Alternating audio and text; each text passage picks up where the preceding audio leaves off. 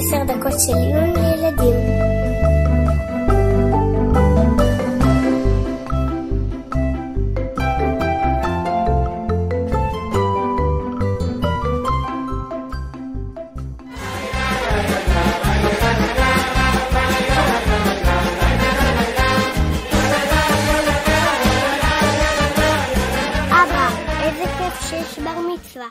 כמה סוכריות תפסת, אפשר לאכול אחת? עכשיו, אבל עוד לא עשינו קידוש. מה קשור קידוש? קידוש נס שנגיע לבית. נכון, אבל עד שלא עושים קידוש, אסור לאכול. מה, אפילו סוכריה? כן, גם סוכריה לא אוכלים לפני שעושים קידוש. גם בבוקר של שבת וגם בערב, בליל שבת. אמנם לפני שמתפללים בבוקר, לפני שמתפללים תפילת שחרית, אפשר לטעום או לשתות משהו קטן, למרות שעוד לא עשינו קידוש. אבל מיד לאחר תפילת שחרית אסור לאכול, ואפילו לטעום משהו קטן אסור עד שמקיימים את מצוות קידוש. אבא, קידוש זה מצווה מהתורה? כן, אתם מכירים את הפסוק זכור את יום השבת לקדשו, נכון? כן, אומרים את הפסוק הזה בקידוש של שבת בבוקר. נכון, הפסוק הזה הוא הפסוק הראשון במצווה של שבת בעשרת הדיברות שבפרשת יתרו. מהפסוק הזה למדו חכמים שיש מצווה לעשות קידוש. כך כותב הרמב"ם, רבי משה בן מימון, בהלכות שבת שנמצאות בתוך ספר משנה תורה, ספר ההלכות של הרמב"ם, מצוות עשה מן התורה לקדש את יום השבת בדברים, זאת אומרת בדיבור, באמירה, שנאמר, אומר הרמב"ם, זכור את יום השבת לקדשו. הרמב"ם מסביר שהפירוש של הפסוק הוא שאנחנו צריכים לזכור את יום השבת על ידי זה שנדבר ונזכיר את המיוחדות של יום השבת. נדבר על הקדושה המיוחדת שלו. כשאנחנו מזכירים בקידוש את זה שהקדוש ברוך הוא ברא את העולם ושבת ביום השביעי, ושלכן גם אנחנו לא עושים מלאכה בשבת, ששת ימים תעבוד ועשית כל מלאכתך וביום השביעי שבת, אז אנחנו מקיימים את המצווה הזו. לפי הרמב"ם, המצווה של קידוש מהתורה כוללת שני חלקים. לקדש את יום השבת בכניסתו, כאשר שבת נכנסת בליל שבת, וגם ביציאתו, במוצאי שבת, לעשות הבדלה. לא הבנת. כשעושים הבדלה מקיימים את המצווה של קידוש? כן, לפי הרמב"ם, הבדלה היא חלק מהמצווה של קידוש. העניין של מצוות קידוש הוא לדבר על המיוחדות של יום השבת. שנשים לב ונזכור שזהו יום מיוחד, לא סתם עוד יום מימות השבוע. אנחנו מציינים את המיוחדות של יום השבת. גם כששבת נכנסת, אז אנחנו מציינים את הקדושה המיוחדת שעכשיו מגיעה, ומברכים את השם, ברוך אתה השם, מקדש השבת. גם כששבת יוצאת, מבדילים את יום השבת משאר הימים. אנחנו מדברים על ההבדל בין יום השבת הקדוש לבין ימות החול שעכשיו מתחילים, ואנחנו מברכים בהבדלה, ברוך אתה השם המבדיל בין קודש לחול.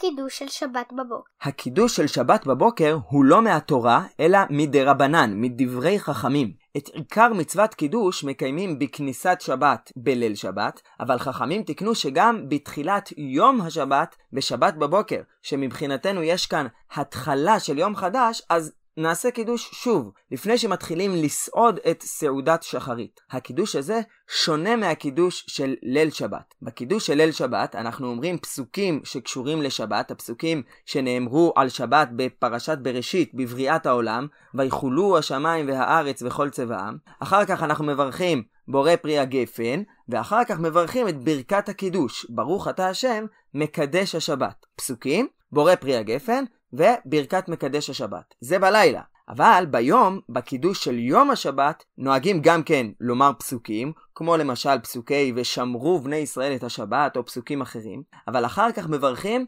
רק ברכה אחת, בורא פרי הגפן, ולא מברכים את ברכת ברוך אתה השם, מקדש השבת. זה ההבדל הגדול בין קידוש הערב לקידוש הבוקר. אבל חוץ מזה, רוב ההלכות של קידוש הלילה קיימות גם בקידוש היום. למרות שהחיוב שלו הוא רק מדרבנן, כמו למשל, שאסור לאכול לפני הקידוש, זה גם בלילה וגם ביום. דרך אגב, אתם יודעים, גם לפני שעושים הבדלה, אסור לאכול מהרגע שיוצאת שבת. אמנם אם אוכלים סעודה שלישית ועוד לא בירכנו ברכת המזון, אז מותר עדיין להמשיך לאכול, אפילו שלפי השעון כבר יצאה שבת. כי לכל מי שעדיין אוכל סעודה שלישית, זה נחשב ששבת עדיין לא יצאה בשבילו, והוא יכול להמשיך לאכול. אבל אם כבר בירכנו ברכת המזון ושבת יצאה, אסור לאכול לפני שעושים הבדלה. רק לשתות מים זה מותר לפני הבדלה.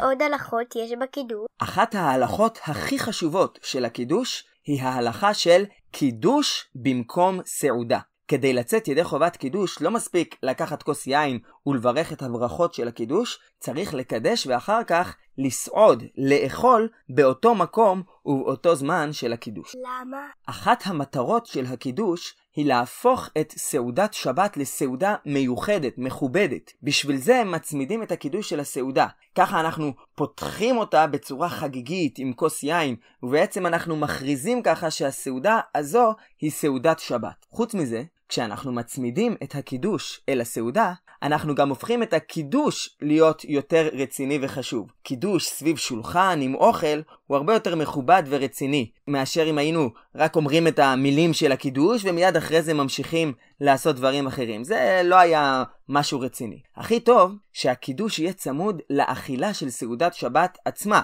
הסעודה שאוכלים עם לחם, מנות מרכזיות, אבל בקידוש של הבוקר שכבר אמרנו שהוא רק מדרבנן ולא מהתורה, אז שם אפשר להקל, אפשר לעשות את הקידוש גם צמוד לסעודה שהיא לא ממש סעודת שבת. סעודה קטנה שיש בה כל מיני מזונות, פירות, חטיפים קטנים. ככה נוהגים היום בקידושים אחר התפילה בהרבה בתי כנסת. בעיקר כשיש בבית הכנסת שמחות ואירועים חגיגיים כמו בר מצווה, הרבה פעמים אחרי התפילה עושים איזשהו קידוש. ובקידוש הזה לא תמיד זה ממש סעודה, אלא כמו שאמרנו קודם עם מיני מזונות וכל מיני דברים קטנים טעימים.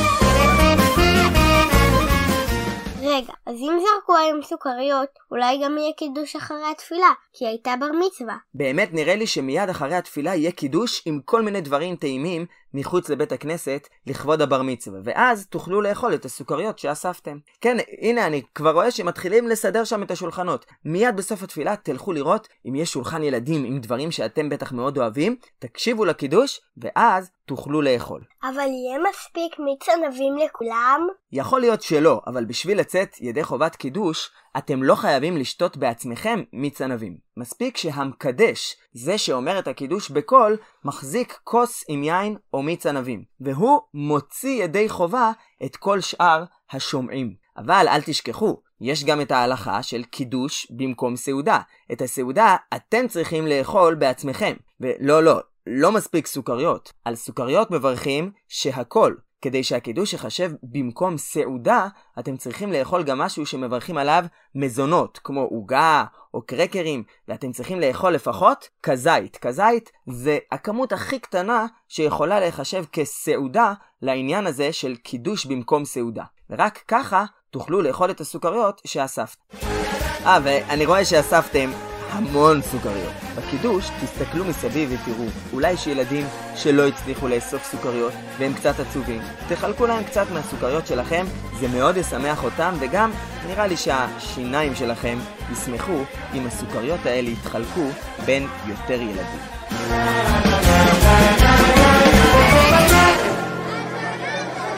התרעלת,